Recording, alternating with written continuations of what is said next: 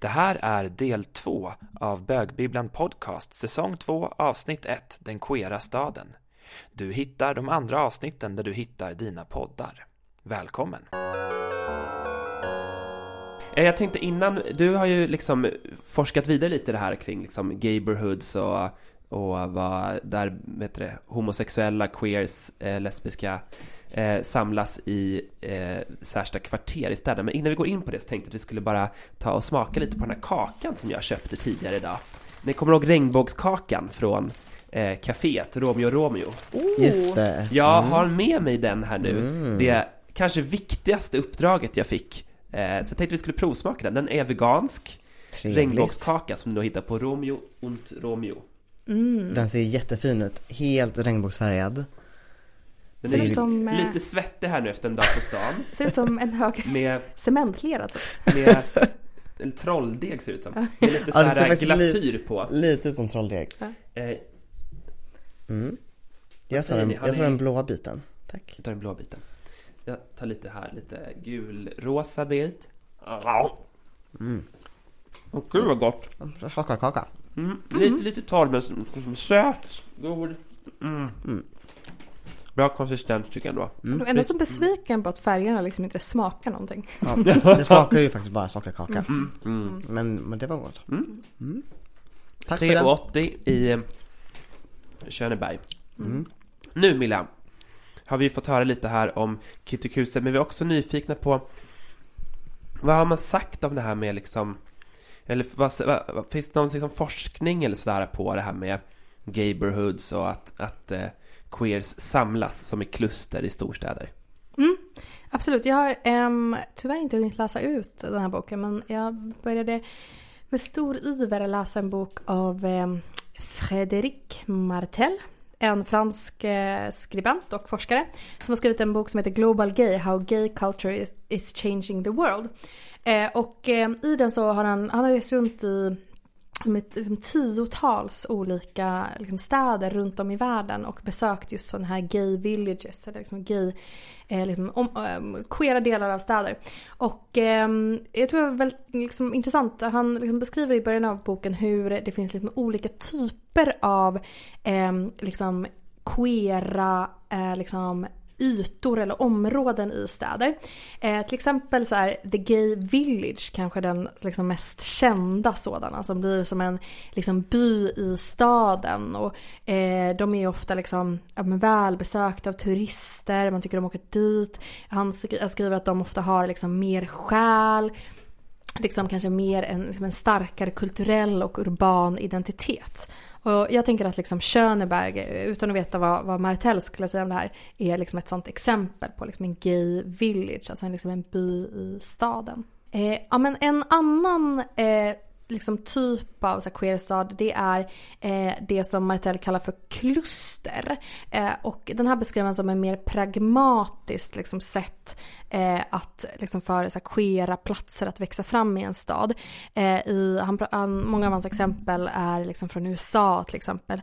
I eh, så här, ja, men flera olika städer där liksom, det, det har liksom vuxit upp queera liksom, kluster av till exempel barer, restauranger, liksom klubbar men som ofta är långt ifrån centrum. De har liksom vuxit upp mellan andra liksom, delar av staden, kanske de intressantaste delarna av staden, utan liksom mellan köpcenter, mellan köpcenter och motorvägen. De är ofta Så, så det liksom, är liksom skillnaden på en village och en kluster är ett kluster är liksom att de är utanför stan. Exakt, så det Ja. finns på ett mindre attraktivt område. Så kluster Mm. är liksom inte eh, till exempel kanske där den historiska centrumet i en stad är. Just ja. Ja Mm. men det är intressant för till exempel i, vi kommer ju ha ett inslag om, från Paris här nu snart. Marais är ju då ett klassiskt village för det är deras gamla stan liksom. De äldsta husen i hela stan, där, där flyttade bögarna in kan man säga på 70-talet. Det blev en village då, Mm. men inte ett kluster. Just det, just Ja. det. Ett Plus- kluster har jag faktiskt aldrig talas om. Nej, jag har faktiskt inte heller tänkt på det. Eh, men eh, Ja, precis. Vi har faktiskt varit i Dallas på en så här, cow, så här bög-cowboybar. Och den låg just på en sån här plats. Gud, vilken kul. dröm! Ja, det var så kul. Men det var, det var väldigt speciellt. Undrar det man, behöv, mycket där. man behövde liksom... ja, det är du. Eh, var inte bög så jag fick aldrig veta. Nej men eh, man behövde verkligen åka dit med bil. Alltså det kändes som att åka till Biltema. Och där låg det liksom den här bög, liksom gaybaren. Um, en, en annan sån här liksom så, eh, koncept är eh, The Strip. Vilket är liksom när det är liksom längs två sidor av en gata. Eh, som då blir liksom ett sånt gayområde. Ett Så kändes ju lite gatan jag var på idag i Köneberg. Den, Mm. den som jag gick på. Och den, man, sen- den känner man att- ja, att man ser ofta tycker jag i, i många städer. Just det. Mm. Mm. Ett exempel från boken som jag minns var i till exempel i West Hollywood. Där är det tydligen så. Det. Att liksom längs 500 meter av liksom en så här stor aveny så är Mm. det liksom tiotals ja, men kaféer, barer, klubbar och så vidare. Eh, sen så pratar han också om colonies, eh, alltså kolonier och det är då typiska ö, typiskt öar eller kuststäder som kanske blir som sådana semesterorter för, för queers eller för, för gays. Eh, som ett annat sånt liksom så, koncept. Eh, och så pratar han också om alternativa distrikt. Och det här är då liksom billiga delar av staden. Alltså kanske det är så alltså, shady delar av staden. Eh, som där det finns, liksom finns eller har funnits billiga hyror. Dit bögar flyttar, konstnärer flyttar, personer med kreativa jobb och lite pengar flyttar. Det som händer då är att statusen då höjs. Man öppnar ett galleri. Det blir en eh, lesbisk filmfestival boom så flyttar Starbucks in och sen så är det gentrifierat. Eh, och eh, han, han liksom pratar om det som att liksom gaybarer eh, ofta kan vara det första tecknet på att ett område som liksom har varit kanske så uträknat i en stad liksom kommer att på nytt födas. Wow, vad spännande! Så det skulle liksom vara så här som en symbol då för att här, här har någonting på att hända. Mm, exakt. Så det är liksom det som skulle vara då eh, som, som maskrosen mellan betongblocken eller vad då? Just det. Precis. Om Eh, man men- då skulle se det som något positivt. Eh, men precis, i, i gentrifieringskontexten kanske det inte är något positivt då. Utan så, så här, ja. Först kommer gaybaren, sen så kommer sojalatten och sen har vi inte råd att bo kvar. Just ja. Typ så. Eh, Ja. Eh, sen finns det också ett fenomen som man kallar för sprawl. Eh, och det betyder spridning på engelska. Så det är ställen som inte ligger i nära anslutning till varandra. Utan som är liksom utspridda över staden. Som liksom, Men det känner vi väl igen från typ Stockholm? Mm. Eller? exakt, så queerhet som liksom sprinklade över staden. Där är ju både du och jag, Emil, uppvuxna Mm. i en sån. Mm. Och där kan man ju känna lite att man har saknat liksom någon på något vis är någon slags knutpunkt ibland så. Verkligen. Det känns som att när jag, både du och jag växte upp så känns det som att det inte fanns någon väldigt liksom eh, specifik del av stan där man skulle hänga liksom Ja, väldigt, väldigt utspritt beroende på, också på vart folk bor, Mm. tänker jag. det, ja precis, så jag kan känna att det hade man kanske velat ha någon slags Mm. mer så. Idag undrar jag verkligen också vad kidsen eh, gör. För jag tänker det finns Mm. typ inga ställen jämfört med för tio år sedan. Mm, Det finns ju ingenstans att gå i Stockholm. Ja, sidospår. mm. Eh, Örebro vet inte om det bättre Milla, där du är uppvuxen. Jag har inte varit Är det en sprawl? ja, eh, precis. En liten gay sprinkle. Jag vet faktiskt inte, jag har inte varit En där väldigt sprinkle, det är en helt egen kategori. Ja, exakt. Det finns alltså ett ställe. Mm. Nej, förlåt Örebro. Jag har inte varit där på jättelänge. Nej men, eh, men han, eh, bara några ord om, om Mattel innan, innan vi lämnar det här. För att han pratar också om liksom, hur så här, amerikaniseringen har liksom svept över hela världen. Alltså eh, ja, såklart inte bara i så här, kultur och film och så. Utan också i så här, hur vi bygger upp och förstår den queera staden. Eh, och han pratar om att så här, det finns en sån eh, liksom, eh, alltså dominans av så här, amerikansk kultur och amerikansk musik. Du kommer höra Lady Gaga spelas överallt. Eh, du kommer liksom se samma typ av inredning. Så att det finns liksom så här globala så här, eh, saker som du kommer kunna känna igen. Oavsett var du är någonstans. Så kommer du liksom känna igen den queera staden på vissa av de här liksom, så uttrycken. Eh, men- bingo.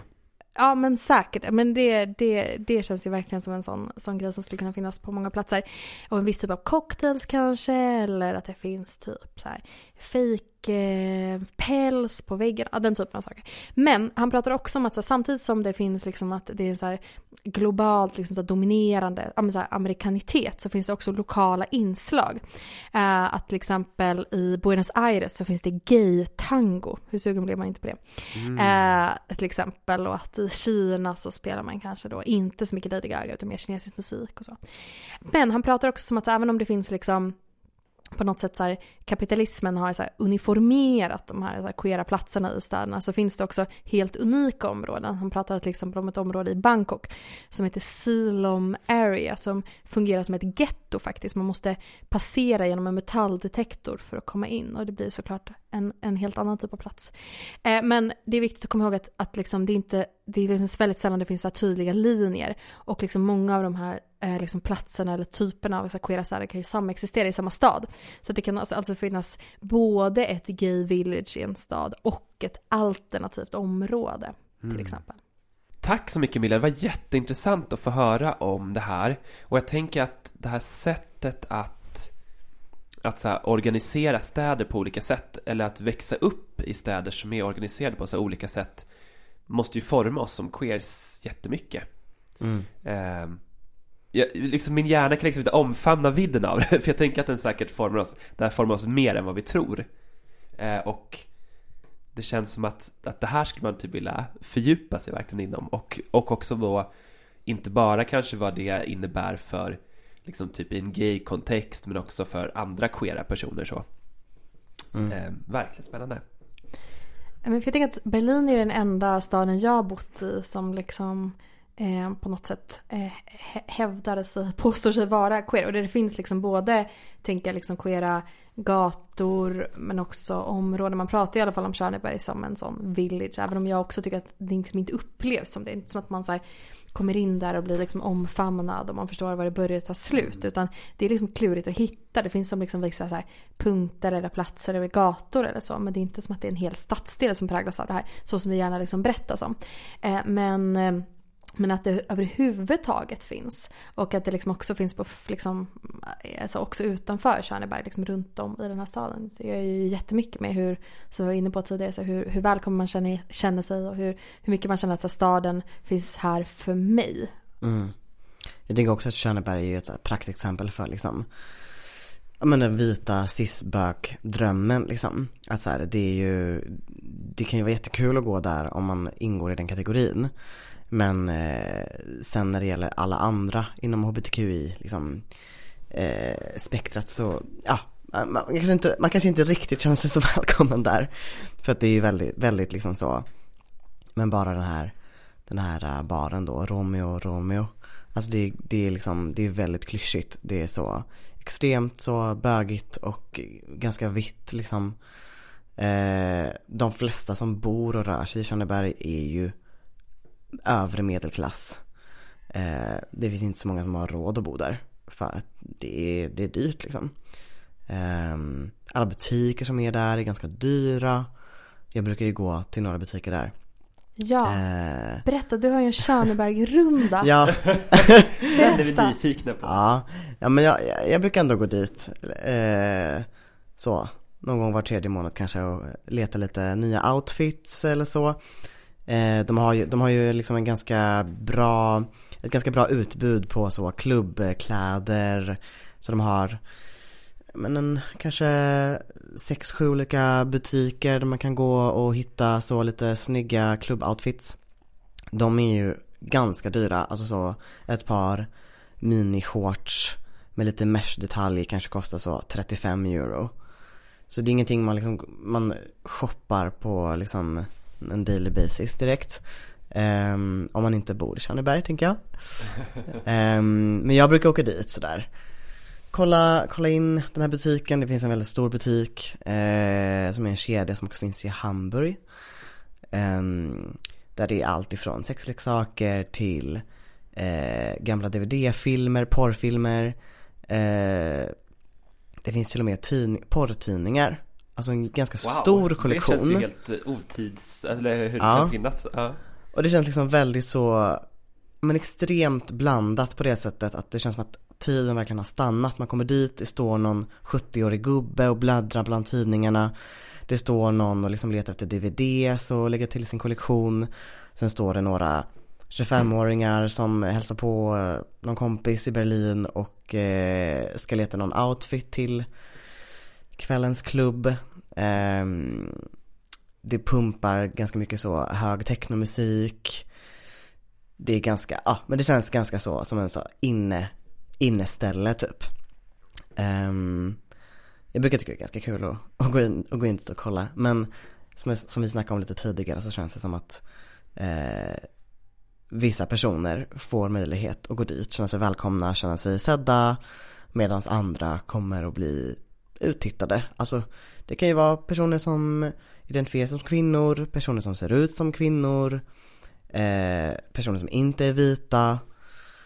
Eh, ja, det, det är inte helt... Det finns liksom en smal norm där också. Absolut, det är verkligen inte, jag skulle verkligen inte säga att det är någon slags liksom välkomnande gay village där alla är välkomna som är queera, inte alls. Och mm. de flesta jag känner i den här stan är inte i Könneberg. Utan det är, ja, det brukar vara i Neukölln mest. Det är jätteviktigt det du säger Emil och att vi belyser eh, var, vilka som är välkomna i olika queera rum. Eh, och vilka nya normer som, som sätts upp i de, i de mm. queera rum som vi, som vi bildar. Och vi kanske ofta tänker på det kring sådana alltså rent fysiska rum där vi kan stänga till. Som till exempel på en, en klubb eller en bar eller så. Men det gäller ju såklart också stadsbilden och på gatan och i kvarter. Eh, jag tänkte lite på att de, många av de saker som du nämner nu Det är också sådana saker som är så tydliga Eller verksamheter som är så tydliga gay-kopplingar Eller queer-kopplingar när det kommer till så här, Kläder för Som signalerar att man är queer eller gay Eller där kaféet som man säljer regnbågskakor på Det är intressant också att där i Köneberg finns det ju liksom typ eh, Bokhandel, apotek eh, Någon slags klockaffär Eh, och andra så här kedjor som då har regnbågsflaggor. Så ser det ju mm. ut i många liksom. Mm. Jag menar så är det på Starbucks i alla så här gay-kvarter i hela världen liksom också. Där man då bara gör om sitt koncept fast i liksom en regnbågstappning. Mm. Det, det, det, är ganska många som söker sig till Könneberg för just typ så hälsovård. Eh, för att det finns ganska många gaykliniker, alltså både testningskliniker för liksom eh, HIV och eh, könssjukdomar men också typ gay-tandläkare, gay-ögonläkare, alltså jag kan, jag kan inte säga hur, hur queert det är att gå till de här platserna men eh, det jag vet, jag vet i alla fall att det är många som, som gör det för att de vet att Körneberg i ett område där det är helt okej eh, att komma dit och eh, vara öppet gay och man kommer inte bemötas på ett annat sätt än eh, andra patienter som kommer dit. I staden finner vi queera spår i form av regnbågsflaggor, minnesmonument, det skevande bitet på ett dansgolv, viskningar i mörkret och i de där ögonblicken av igenkänning i mötet med en queer främling i stadens vimmel. Två författare som skildrat stadens queerhet i sina böcker är de danska författarna Nikolaj Tangelange och Mats Ananda Lodal. Jag passade på att hälsa på hemma hos Nikolaj här i Berlin för att höra mer om Nikolaj och Mats tankar om den queera staden i litteraturen. Eh, då sitter jag här i eh, Berlin med två fagra sköna män i sängen som ligger bredvid varandra här eh, hemma hos Nikolaj. Eh, hej Nikolaj Tangelange, välkommen till Bögbibblan Podcast. Hej, tack. Och hej Mats Ananda Lodal. Hej. Hej. Eh, vi är så glada att ni vill eh, vara med här i podden. Nikolaj, vi känner ju varandra sedan tio år tillbaka, yeah. tror jag. Eh, när vi träffades För... på Queertopia-festivalen. Ja, det är så länge. Ja, lång tid. Eh, när du uppträdde under ett namn som Nuclear Family. Eh, och 2017 så kom din första, din debutbok ut. Livet är en fest och så dör man. Eh, och sedan dess har du gett ut två böcker till. Eh, bland, och eh, bidragit bland annat till en novellsamling eller hur? Yeah, Mm. they're correct. Det är korrekt. eh, och i samma novellsamling, Bösse Danmark, så är du också med Mats. Ja. Med några noveller. Ja. Ja. Eh, och du och jag har ju aldrig träffats tidigare, eller hur? Första gången. Första gången. Eh, och ehm, du har ju bland annat gett ut boken Sauna senast. Eh, som ju utspelar sig i Köpenhamn. ja. Ja. Så den kommer vi återkomma till un- under intervjun. Eh, och vi kommer prata engelska nu så alla våra lyssnare förstår. Yeah. Ja. Yes. yes. So first I'm interested in, in uh, Bösse Danmark, which is translated to Gay Denmark, maybe? Berg, Denmark. Bög Danmark, Yeah. yeah. and that's a collection of short stories uh, written by you and two other authors. Yeah. Do you want to tell us about how that collection, uh, how it came to be published and where the idea came from or the concept? It started very much with the word Bösse Denmark, Yeah. which uh, I mean, as we just noticed here, is hard to translate uh, into English because gay Denmark is not really doesn't really have the same kind of tone. Uh, faggot Denmark is also not really it because Bösse was like for a long time the, the official word before everything became queer or LGBT. Everything was called Landsforeningen for og Lesbiske. It was like the official th- word that it had, but it's also still a slur. So Bösse Denmark can be both like you know the fucking Bösse Denmark, but it can also be like more like objective description of the gay version of Denmark. Uh, so it has a lot of like double meanings and connotations like that. So we just like that word and thought this word needs to be the title of something. And then we started like, yeah, playing with ideas like, so what is this the title of? Because we have to make it. Yeah. And then we came up with this concept that we wanted to have some kind of uh, like uniform conceptual frame for this book, and then we were four writers, the two of us, and and then Dennis Agerblad and Thomas Lehrman Lundme, and we wanted to write five nov- uh, five uh, short stories each that all have a gay character as the narrator, and that plays out in specific geographical locations i i around all of Denmark. So and also where so where also the place where it plays out plays a role. So the place itself is kind of like a character in the in each short story, and we wanted to make it so that if you know that place, for example, a, a village or uh, whatever, um, or an island, if you know that place, you will be able to recognize it in the short story. So it's it's not just a random place, but the place itself plays a role in the story.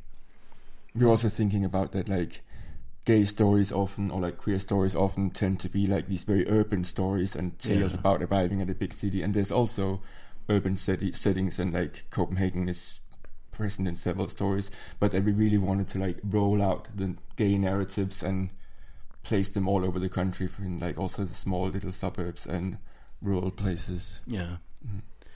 Cool, thank you. Uh, that's very interesting to hear because I interpret uh, the, the title, Bösse Danmark, like sort of claiming Denmark, the Mm. name of Denmark, and like transform it into like a place for for Bösse. well i mean it's it's it's open to whatever kind of Yeah. mixed Yeah. connotations you can read into it, Except uh, except the nationalistic. Uh, Yeah, okay. uh, and, uh, at least for me, that's not what it's Mm. about. Yeah. It's not what it's about, but it, I mean, it's open, so. okay, thank you. Uh, Nikolai, in your first novel, Livet Yes. är fest och så dör man. Uh, s- um, Life is a party and then you die. Life is a party and then you die. Yes. Yeah. Um, that takes place in like Berlin nightlife, Mhm. and uh, one of the characters is also called Nikolai, right? So it's so it's such a coincidence. yeah, really. it yeah, is. yeah. Yeah. I was like, wow, I don't believe this, but yeah, it, Yeah, it and turned he out it seems was to hang out at Berlin nightclubs quite a lot. exactly. And Yeah. some, and still I never met him, never which is met him. weird. How was it to try to like capture Berlin nightlife in a novel? It was interesting. It was fun. Like it was a, a like a idea uh, that was very early in the process that I wanted to like kind of you know I'd been at like lots of parties where I had stayed for a really long time sometimes like that summer specifically that the story is set in 2013 I broke my record and was there at the same party for 35 hours um, and I was like noticing how really sometimes that kind of night or, and day and then night again turns into this like complete sort of epic journey where like you can fall in love several times and almost like feels like you can go through an entire relationship in the course of a couple of hours say goodbye to each other and then like even have forgotten them when you meet them again later and so on. Um, so compared to like a normal going out where you just go out and get more and more drunk and then the only exciting part is whether you go home alone or not this is just like a way more epic kind of story. And i wanted to like take that kind of story and and turn it into like well it's like the first half of the novel is set at the same party and goes over like 24 hours or something with people coming and leaving and trying to get people outside in or so on. Um, so I was just really interested in trying to explore that kind of story that goes on in this parallel universe that gets its own sort of story and uh, yeah. Yeah. It's like you've been to a journey and then coming back again. Yeah exactly. You, Yeah. you enter this like like Odysseus leaves for this Odyssey and comes back like changed later on and has experienced so much that or it's like yeah Narnia you go through the closet and then you experience all these things and you go outside and the world is the same outside but you've experienced so many epic uh, adventures inside. Yeah. In this complete parallel universe that no one else knew about. Yeah. Amazing. Mm. and it's uh, was it like hard to like capture that in in in words? Um, I mean, of course, there's like a translation process uh, of of like all the things that happen that you realize you actually like you think like, can you write a whole novel just at one party? Uh, and then you realize, well, the problem is actually like editing all that goes on down to because you can't have everything. Uh, You need to like find stories and isolate them and locate them. But I, I also did feel that I had enough inspiration of like people and characters and conversations and so on that I could like put them together into a story that made sense and yeah. cool Mm. thank you and Mats your latest book uh, Sauna Mm. it uh, takes place at a sauna or it takes it's the start starting point is at a gay sauna in Copenhagen Yeah. right where the main character where he works there and he meets William a trans man Yeah. who visits the sauna and that sort of like that meeting changes like a lot in his life or perception maybe Yeah, because they fall in love, and Yeah. um, and it's the it becomes the start of a relationship. So that's that's the story. It's a love story between those Yeah. two. I think it's amazing how you captured some kind of like that uh, vulnerability or able to show someone else when you are like really close to someone hmm and that's a very beautiful uh, depiction of our relationship in it I'm happy you say that. Yeah, that. Yeah, that's what I wanted to to write about. What what does it feel like to be close to someone and to fall in love and to have uh, all the sexual desire and all the vulnerability and all that. Um, yeah, the intimacy and getting to know each other. All this stuff. yeah Yeah, like yeah, like a love story. like a love Yeah. story yeah and I'm I'm a bit interested about uh, the starting point at the Mhm. at the sauna because like uh, gay saunas can be seen like it's something like everybody know exists in big cities and and it's part of the of, of of big cities but maybe most people don't know where to find them and how to enter them and what's going on inside and it's sort of like a a myth around them Yeah. maybe or they could be seen like sort of like secret places almost Yeah, hidden somewhere. How how how come you put the starting point at the sauna and like what what's your thought on Mm. the relationship between the sauna and the city? Yeah, so I I work I used to work in gay saunas for for many years, both in Copenhagen and also in Berlin.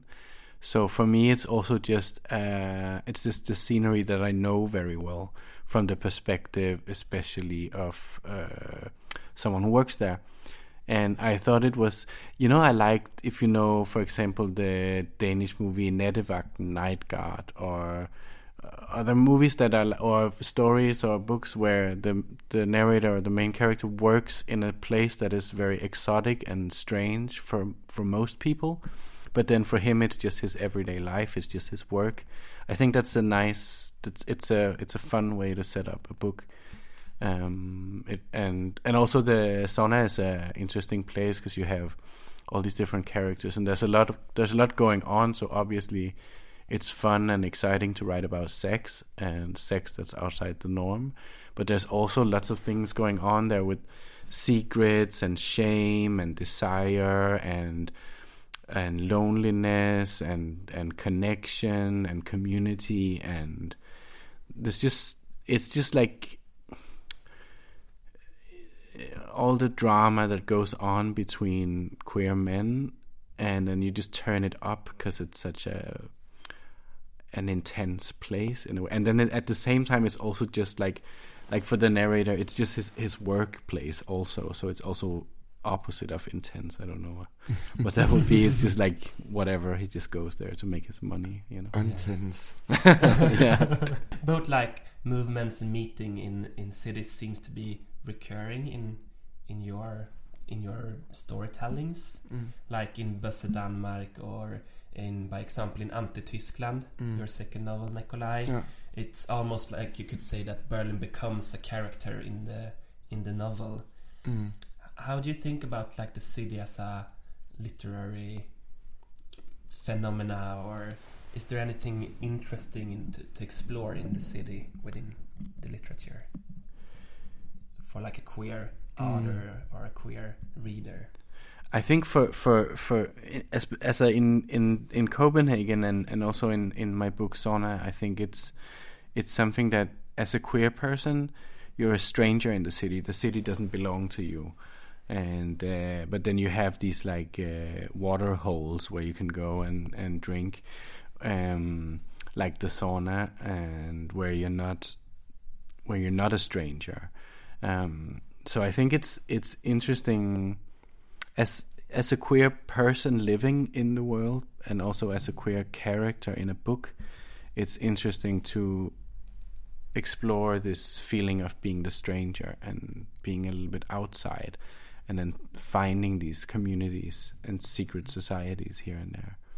I don't know it's yeah it's it's something that's special. But it's interesting you say that you're the stranger because actually my first thought was that what's also in, also interesting is that the city is often a place you specifically ha- have chosen, and you have mm-hmm. chosen this specific city because out of all cities that you could move to, you also felt most at home in this city. So mm-hmm. you also have a background and a scene where this yeah like the surroundings and somehow do correspond with you because it it's a place you've chosen to make your home and not just a place you have been born into. There's one scene in in Sauna because uh, William, the the trans guy in my book, he's, he's also a graffiti writer, and there's one scene where they where they go on a graffiti spree and they they make what in graffiti slang is called a spaghetti, which is where you just hold out the spray can and just and just paint, and then you just walk or in this case they bike all the way uh, down the main shopping street, which is more than one kilometer long. So they make right yeah, Yeah. Stroll, yeah. So they make a, a more than one kilometer long sp- silver spaghetti, uh, and which you can do, um, uh, and and and and afterwards, the the narrator Johan has this feeling that they made a mark on the city, and that even if they try to remove all that graffiti and all that spray paint, it's still in the cracks of everything, and they can't really get it out completely. So they are like now they are in the city and they will always be visible and um, i think that's that there is like always this this um, interaction between the characters and the city. Just like there is between us as queer people and the cities we live in. Yeah i think it would be it's, it's a strange thought for me. I, I don't think i ever like wrote about a single character that were born and raised in the city they're living in.